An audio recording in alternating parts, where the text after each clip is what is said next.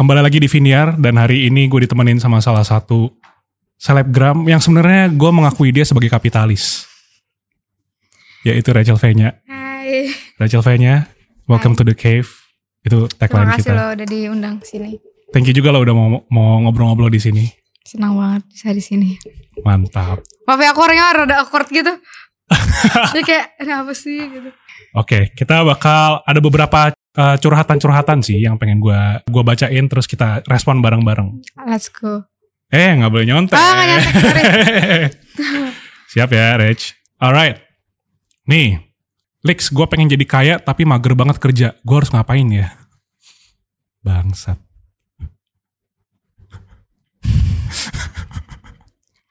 Oh. eh sebenarnya lo bakal terus mager kalau lo punya backup plan terus sih. Kayak misalnya lo ada keluar ada bokap lo yang bisa eh, ngehidupin lo, lo pasti mager gitu. Tapi kalau lo udah nggak punya backup plan lagi, lo udah misalnya bokap lo udah nggak mau bantuin dan lo udah nggak ada income dari mana-mana, ya pasti kepaksa dan lo bakal kerja. Power of kepepet. Iya, Lo benar. ada cerita kayak gitu? Iya, maksudnya gue gue ju- gue dulu jualan karena gue gue suka dagang-dagang kecil tuh gara-gara gara-gara gue gak punya duit sih sebenarnya. Kalau gue punya gue tahu nyokap gue bakal ngasih gue duit mungkin ya, mungkin gue nggak akan segigi itu. Hmm, bener sih. Karena lu merasa, wah depan udah jurang nih, gue harus bikin Iya. jembatannya mau nggak mau. Nah tapi menurut gue sih jangan sampai ada di posisi itu ya, Ya, karena itu nggak enak banget sih.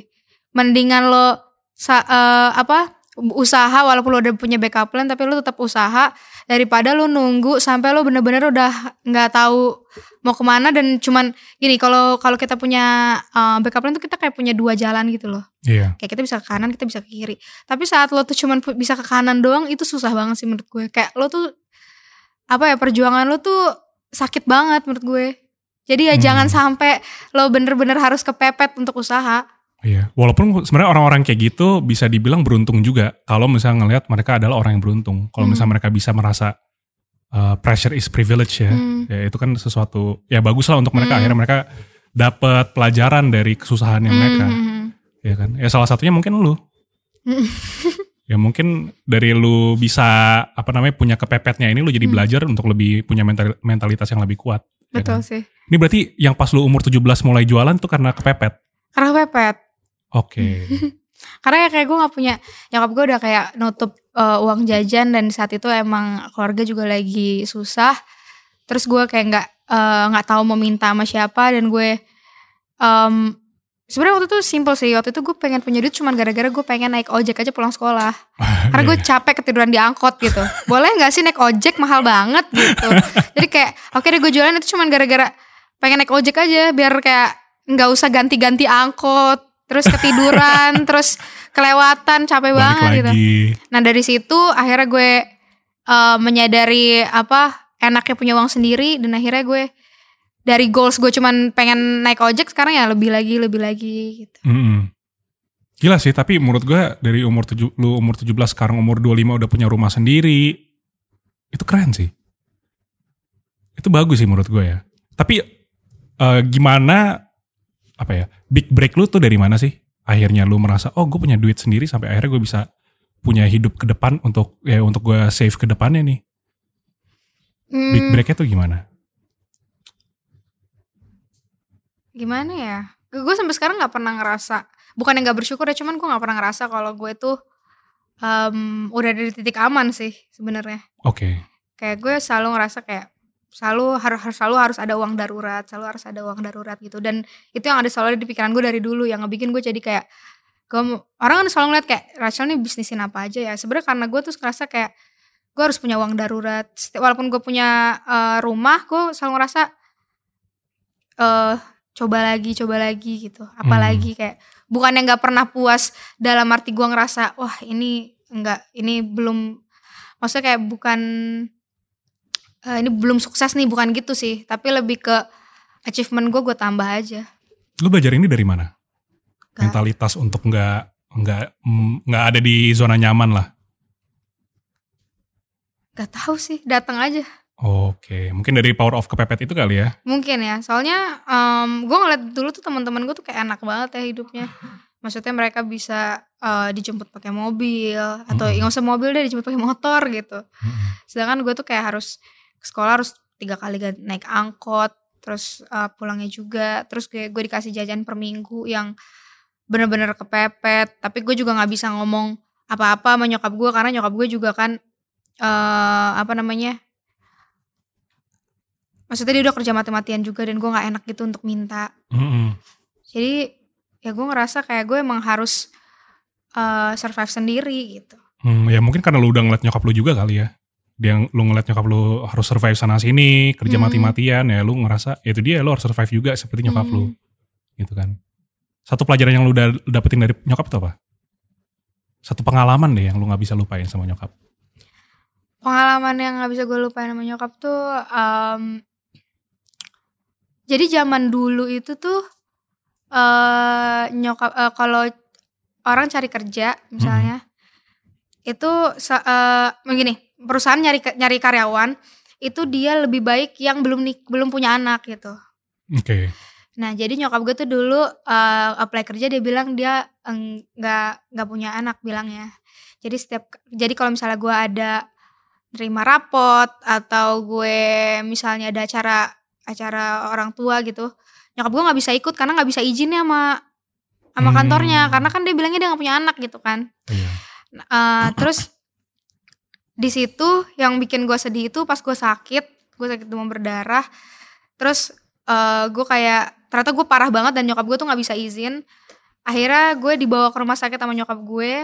Eh, malam-malam setelah dia pulang kantor, dia cuman yang kayak yang bikin gue sedih. Dia nyokap gue kayak ngomong, "Em, maafin mami ya nah hidup kamu kayak gini kayak gitu. Terus gue kayak Hmm. ah anjir gitu sedih aja hidup gue dan di situ gue mikir nyokap gue ini udah bener-bener usaha mati-matian banget buat ngebesarin gue. Jadi gue kayak yang bikin gue sekarang kayak ngerasa gue pengen eh bahagiain nyokap gue aja. Dan pengen karena gue ngerasa semua kerjaan dia dulu nih ya kayak kayak gajinya tuh nggak worth aja buat dia. Kayak ya ampun kerjaan dia gitu. Tapi sekarang gue ngerasa gue pengen ngegantiin gaji-gaji dia dulu aja sih. Dan akhirnya udah merasakan itu? semoga sih. semoga tapi gue nggak bisa ngomong iya juga cuman semoga aja nyokap gue cukup sih Hmm. Damn. Berat juga ya berarti ya dulu ya si nyokap lu untuk ngebesarin lu. lumayan sih lumayan berat soalnya nyokap gue eh cerai sama bokap gue tuh kayak dari gue umur mungkin ya tiga tahun tapi udah kayak nggak nggak nggak berhubungan dari umur 2 tahun gitu Oke. dari gue umur 2 tahun jadi dan di situ nyokap gue dan nyokap gue tuh nikah muda Mm-mm. Nyokap gue tuh ngelahirin gue tuh umur 20 kalau nggak salah Oke. gue pokoknya gue beda sama nyokap gue tuh 20 tahun Oke ya, muda sih ya. muda jadi jadi dia bilang di kantornya kalau dia nggak punya anak orang percaya Iya, bisa Zaman- dibilang aja ini sepupu atau keponakan keponakan gitu kan. keponakan kalau gue main kantornya gue harus manggil dia tante. Berarti eh, gue pengen nanya deh, lu kan grew up deng sebagai anak broken home. hmm? Lu nganggap ini sebagai pressure atau sebagai privilege? Awalnya tuh gue ngerasa em, gini em, ada dua-duanya ya. Iya. karena gini kalau misalnya sebagai pressure tuh pas gue kecil tuh apalagi zaman dulu itu kayak kalau misalnya orang tua cerai tuh kesannya tuh kayak kayak jelek banget gitu. Stigmanya iya. hancur banget loh kalau di Iya, Indonesia ya, especially. zaman dulu ya zaman gue kecil. Dan gue juga kadang ada kepikiran kayak di bokap gue mana sih? Gue ulang tahun tuh gue kayak rada kok bokap gue nggak ngucapin gue birthday sih? Ke lebaran kok bokap gue nggak minta maaf sih sama gue gitu. Mm-mm.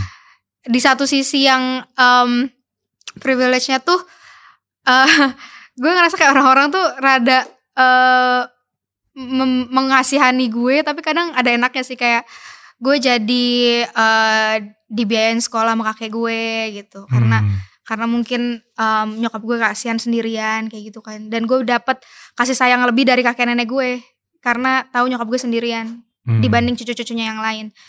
Eh, cuman gue ngerasa, eh, gue sempat ngerasa kayak mm, eh, ngerasa kayak, wah keluarga gue nih, eh, bro, gue nih broken home gitu ya. Pas gue kecil gue selalu ngerasa kayak, kak enak ya orang lain, eh, ibu bapaknya tuh utuh gitu. Sampai akhirnya di satu waktu gue ngerasa gue bersyukur banget nyokap bokap gue itu cerai. Pertama mungkin gue gak akan ada di sini kalau mereka nggak cerai Mm-mm. kedua gue mungkin gak bisa em, gak bisa ngerasain peace kalau misalnya mereka masih tetap bareng-bareng gitu. Hmm. Karena kadang orang lihat eh, perceraian tuh sebagai suatu hal yang Jelek banget. Iya ya. kayak jelek banget kayak lo kok nggak nggak mikirin anak gitu. Tapi mungkin nyokap gue tuh mikirin gue makanya dia cerai.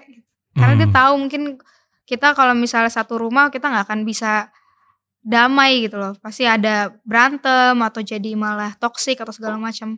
Dan mungkin emang pas gue udah akhirnya gede dan gue ngelihat bokap gue dengan keluarganya dan nyokap gue dengan keluarga keluarganya, gue ngerasa itu lebih peaceful aja sih ternyata.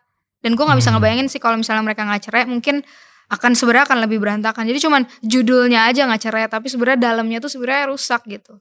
Iya ya. Dan Jadi kayak gitu malah bisa ngancurin psikis lu Iya, juga in, in another way. semuanya pasti ada plus minusnya sih, tapi akan lebih buruk lagi kalau lo bertahan di keluarga yang eh di di maksudnya di pernikahan yang toksik yang ujung-ujungnya bakal nyakitin satu sama lain. Ya kan? Iya. Daripada dipaksa. Hmm. Kembali lagi maksa bikin nyiksa. Nyadar gak sih tadi? Itu oh, terakhir curhatnya kita adalah Lex gue pengen jadi kaya tapi mager banget kerja. Jauh banget. ke sini. Jauh banget. emang gitu, tapi gue emang kalau ngobrol kayak gitu lagi. Gak apa-apa, asik, asik, asik. Nyambungnya ke mana-mana cuman enak sih. Oke, lanjut. Eh, oh ini nih, Lex. Gue pengen banget orang tua gue kembali lagi menjadi satu. Tapi menurut gue, ini sesuatu yang gak bisa gue paksa. Ini kembali lagi nih ke pemaksaan. Iya.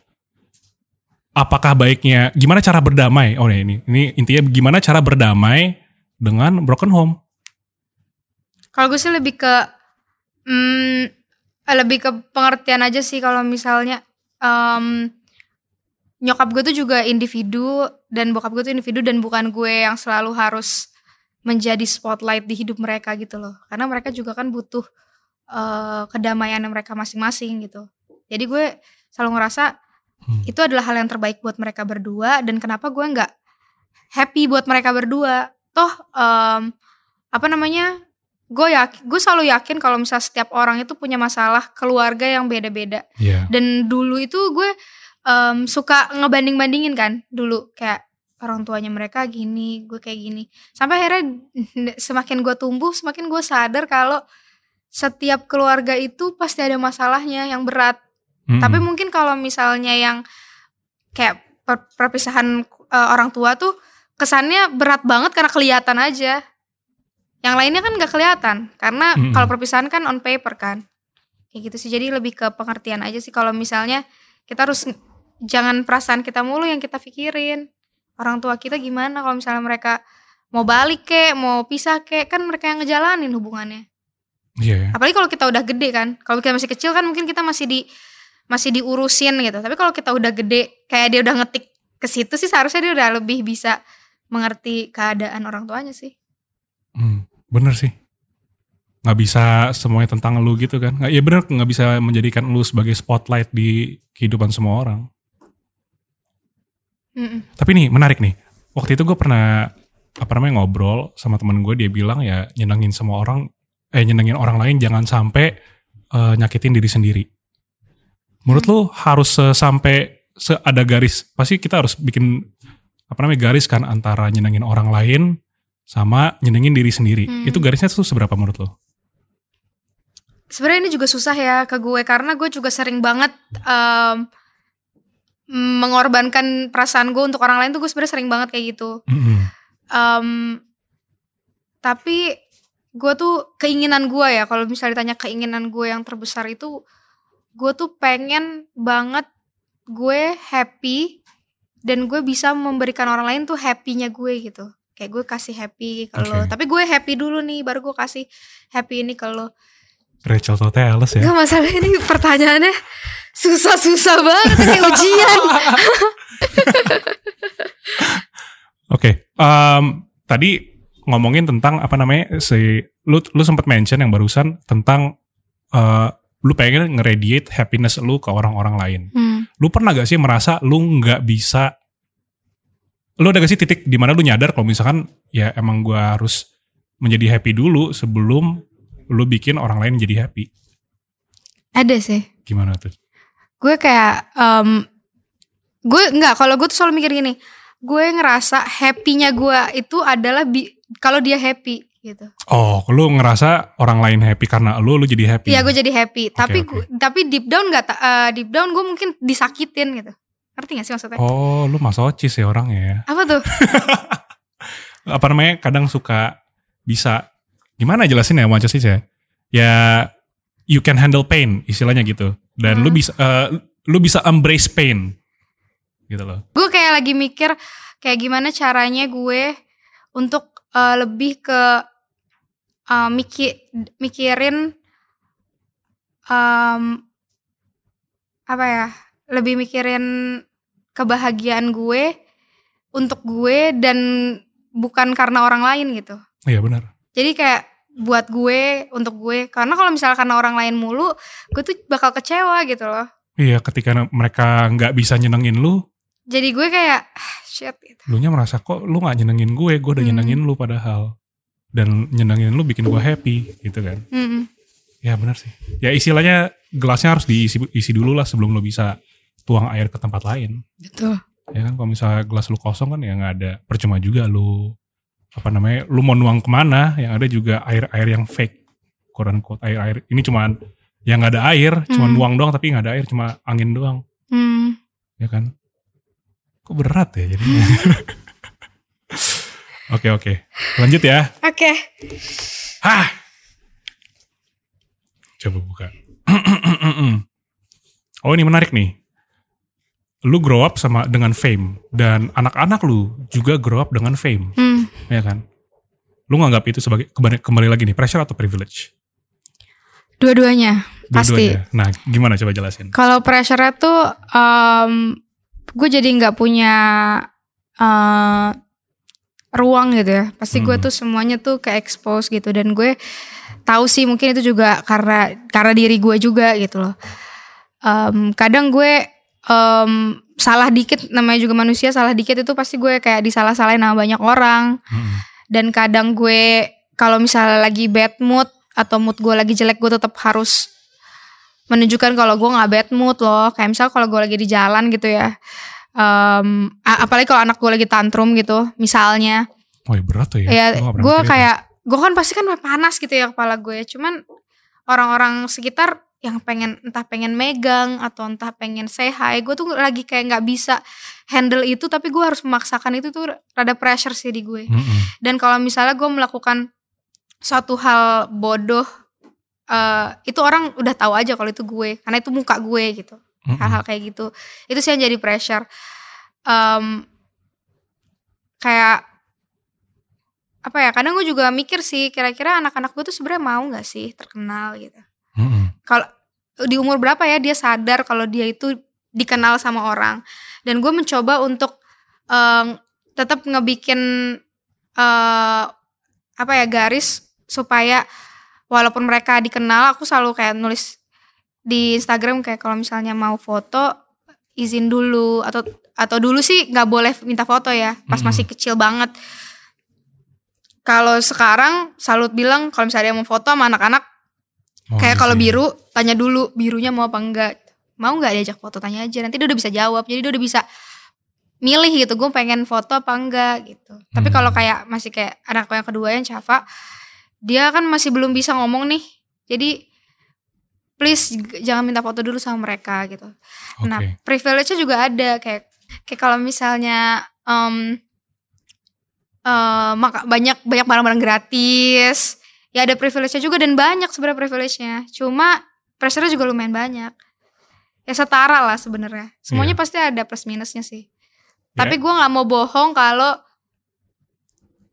gue lumayan enjoy sama privilege-nya Mm, siapa yang nggak enjoy? Semua orang dikasih privilege ya enak. Bullshit banget kalau misal, aduh uang saya kebanyakan nih. Maksudnya kan ada beberapa yang kayak aduh capek banget eh, diliatin orang mulu gitu Uh-uh. Tapi kalau gue setiap kayak kalau misalnya gue lagi capek diliatin orang mulu gue selalu mikir ya tapi kan gue ada enaknya nih di sini ya Iya. udahlah jalanin aja kayak kalau misalnya gue lagi capek ada yang minta foto gue selalu mikir wah ini orang nih baik nih sama gue dia follow gue dia Mm-mm. dia liatin Instagram gue dia mungkin em, nyeritain ke, eh, bagus-bagusnya gue ke teman-temannya jadi gue walaupun gue capek gue kayak gue tetap mau untuk foto Syukurin aja ya. iya karena gue juga berterima kasih sama orang-orang yang follow gue dan yang bikin gue di titik ini sih Iya sih. Ya daripada lu aneh aja kalau misalnya lu merasa aduh privilege gue gue gak mau gue gak mau punya privilege. kan ya trippy aja gitu loh. Ya kan. Tapi ya itu sih yang gue percaya semua power harus di, harus ada harganya kan. Hmm. Ya in this case powernya lu harganya adalah privasinya lu. Hmm. Yang itu juga mahal juga. Mungkin nggak bisa dibayar dengan duit tapi dibayar dengan ya itu dia privacy. benar sih Kan capek juga ya digituin ya. ya kadang kadang ada ada rasa capeknya tapi kadang ya ya udahlah gitu ya udahlah emang mau harus kayak gimana gitu. Apalagi kan kalau misal kayak gue kayak kalau misalnya gue bikin apa eh, nulis quotes atau apa orang suka nyambung nyambungin aja ke sana kayak tahu gitu. Padahal gue cuman padahal gue cuman kayak ya misalnya ada yang lucu kan di Holix ya gue taruh at your post gitu. Mm-mm. orang mikirnya gue lagi nyindir siapa gitu. Kayak langsung cocok-cocokin kayak padahal enggak. Iya dan fans lu tuh lumayan militan ya gue ngeliat ya. militan tuh apa sih? Militan tuh kuat. Maksudnya bener-bener Rachel V-nya tuh Rachel V-nya banget ngerti gak sih? Quote unquote ya, quote unquote menuhankan lu. Dan Jangan gitu lah ngomongnya. Oke, jangan menuhankan. Nge-spotlightin lu banget. Ngerti gak sih lu?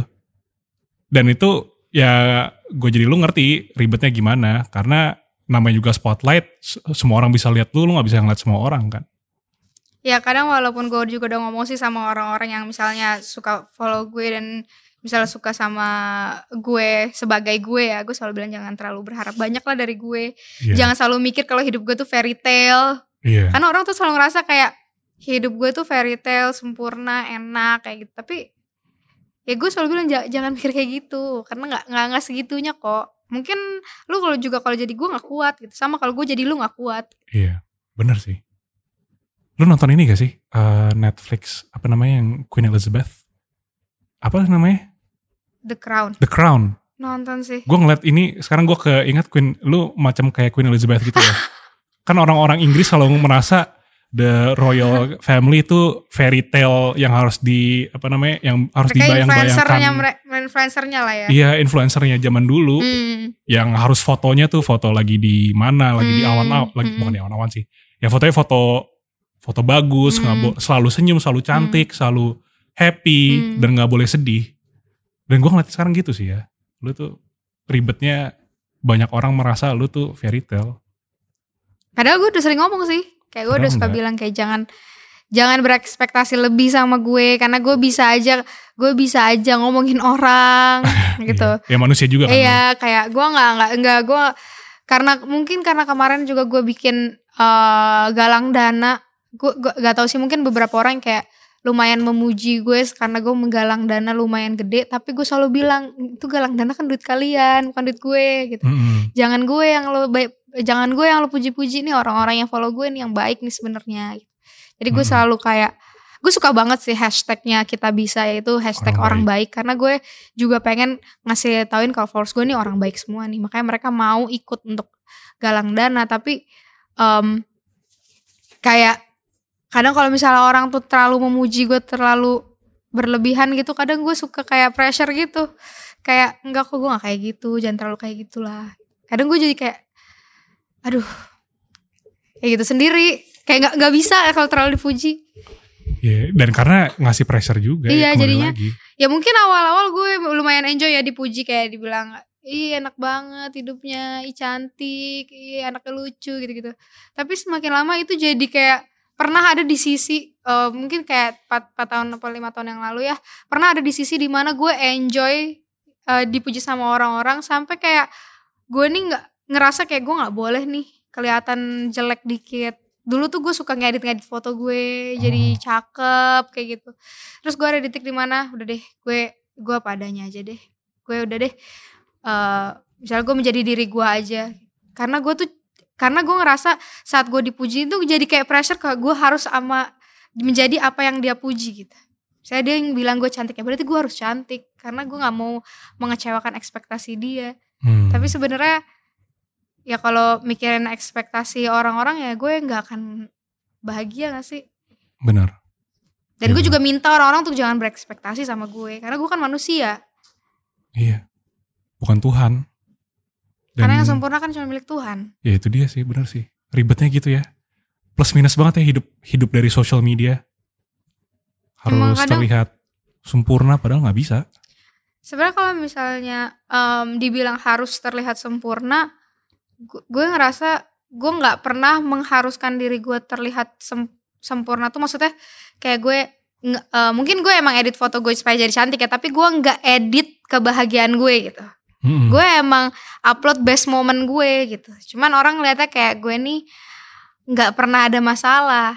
Iya. Padahal ya gue cuman upload best moment best moment gue aja bukan berarti gue nggak ada masalah di hidup gue pasti banyak sama aja kayak orang-orang lain cuman beda-beda aja masalahnya dan menurut gue semakin lo em, kayak semakin lo dikira banyak orang sebenarnya masalah lo menurut gue sih semakin berat ya Karena lu salah dikit jadi salah banget.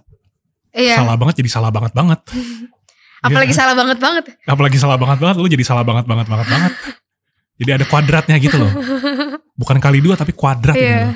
Ya kan kayak misalnya jadi presiden deh. Jadi Jokowi atau jadi orang besar Prabowo siapa pun itulah. Lu salah ya lu ya kembali lah lu salah dikit orang-orang bakal nganggap itu enggak lu salah banget men. Kadang beratnya tuh sebenarnya gue nggak peduli sih kayak di, diomongin sama banyak orang. Hmm. kayak gue udah punya tembok yang lumayan gede gitu. Cuman kadang em, orang sekitar gue itu yang misalnya nggak terima itu Iya. mereka yang agak misalnya kayak teman-teman gue ini mereka kadang suka nggak terima kalau gue nih diomongin kayak gini kayak gitu. Lebih ke mereka kadang gue suka ngomong udah gue nggak apa-apa. Gue nggak gue nggak sedih kok. Gimana caranya tuh? apa? Karena gue kalau misalnya ada uh, YouTube komen bilang apaan sih hostnya Jayus, hostnya Garing, gue tuh masih kerasa loh. Gue kayak anjing gue Jayus ya. Anjir gue, oh damn.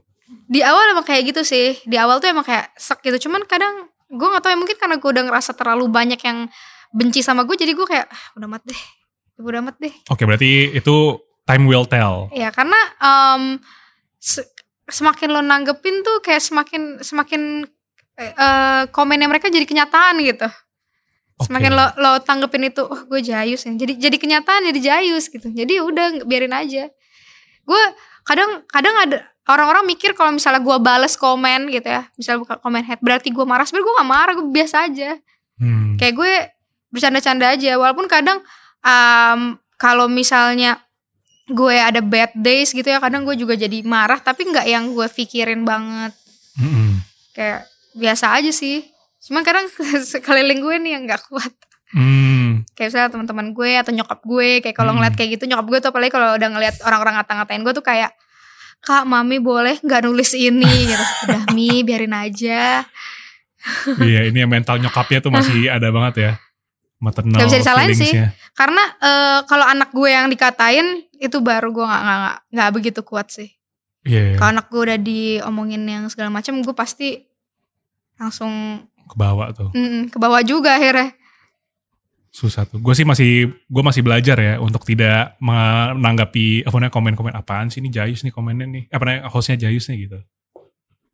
pasti pasti orang pengen pengen aja sih nyakitin orang lain di sosial media gue selalu mikir orang yang lagi eh, kadang kalau kita kalau kita tuh lagi happy ya pasti kita kayak bodoh amat gak sih mau orang ngapain gitu Mm-mm. tapi kalau kita lagi lagi mungkin lagi bosan terus nggak tahu mau ngapain terus hidup kok rasanya jelek banget terus ngelihat ada akun yang sekiranya apa gitu langsung komen jadi gue selalu bilang kayak udahlah nggak apa dia lagi nggak happy sama hidupnya kalau dia happy seharusnya dia nggak nggak mikirin orang lain gak sih Iya sih, bener sih, make sense. Karena orang happy bakal pengen bikin orang lain happy.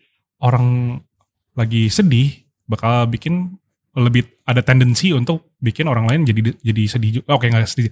Orang yang lagi negatif, quote Iya. ya, pengen orang lain juga merasa negatif juga kayak dia. karena vibesnya itu emang rada nular sih kayak awan gitu jadi kayak kalau misalnya gue nih ada eh, awan di atas kepala gue yang nurunin hujan ya lo kan kecipratan ya kan Rachel Toteles, nggak gitu jago loh dia. Tapi benar, bener banget. Bener banget kalau misalnya lu bawa hujan ya lu kecipratan juga. Orang-orang sekitar pasti bakal kecipratan. Natur, nat, nature-nya manusia gitu gak sih?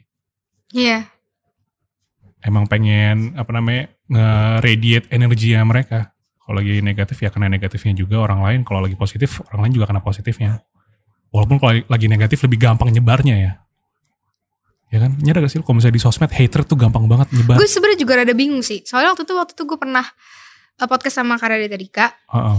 Kayak ngomong "K- kalau gue suka sama orang ini bener sih kalau gue misalnya ngefans nih sama Beyonce kayak gue mau ma- mau komen ya nggak usah komen malas aja. Ya, Mm-mm. tapi gue suka nih sama dia. Tapi kenapa ya orang kalau hate komen tuh kayak lebih gencar gitu? Iya. kayak gue benci banget sama lo kayak kenapa sih? Kayak gue pernah sih ada satu saat mungkin ada beberapa public figure yang gue ngerasa kayak rada hmm gitu. Kayak gue ngerasa eh gitu. Tapi gue nggak nggak gue nggak gue komen hate sih kayak oh ya udah gitu. Capek juga gak sih lu kalau misalnya komen hate? kayak nggak jelas. Nggak jelas Hmm. aja sih menurut gue. Gue memang rada bingung kok. Mungkin kalau komen hate oke. Tapi kalau misal sampai bikin bikin bikin account untuk gue gue pernah tuh dapet kayak di bom gitu sama beberapa account ngatain gue dengan template yang sama. Jadi dia bikin account banyak. iya. Terus dia nge- nge-hate gue dengan template yang sama Oh berarti dia ada problem dengan diri sendiri diri, diri gue dia tuh sampai sendiri menurut bingung gitu gue kayak gue sempet kayak di situ agak-agak apa gue bikin ja salah ya sama orang ya gue. Heeh. tak soalnya kok gue mikir apa ada ya orang iseng yang seiseng itu gitu. Iya. Capek iseng loh itu loh. banget itu loh Bikin dulu, bikin account email, bikin Instagram, taruh password, satu lagi email, password. Capek ya itu ya. kayak apa apa butuh kerjaan kali.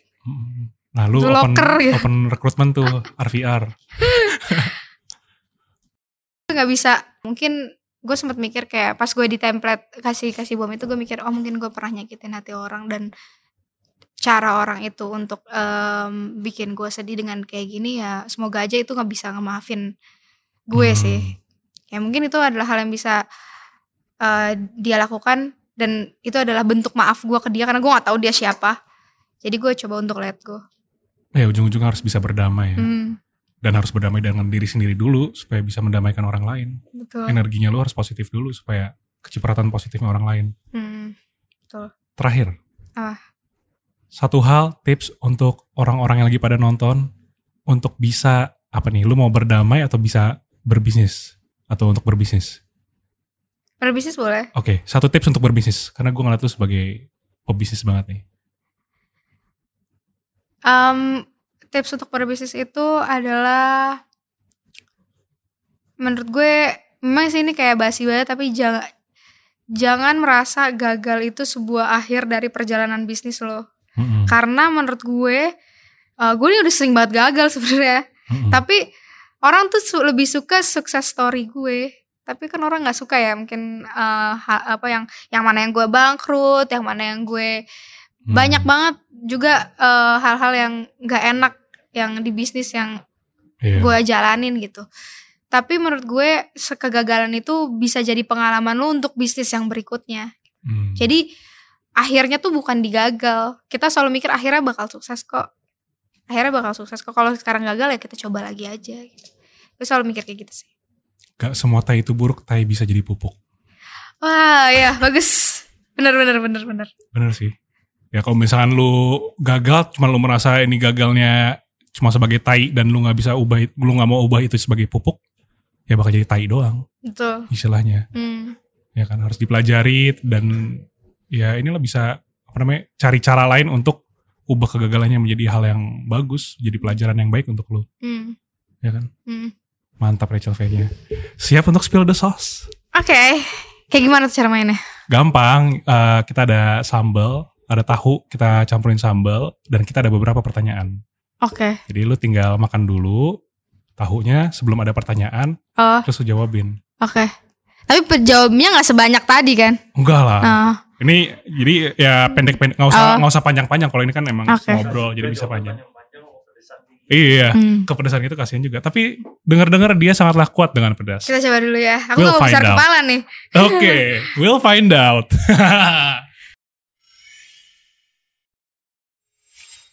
Halo para ru, halo para budak, halo pada pada para budak rupiah, pada burak rupiah.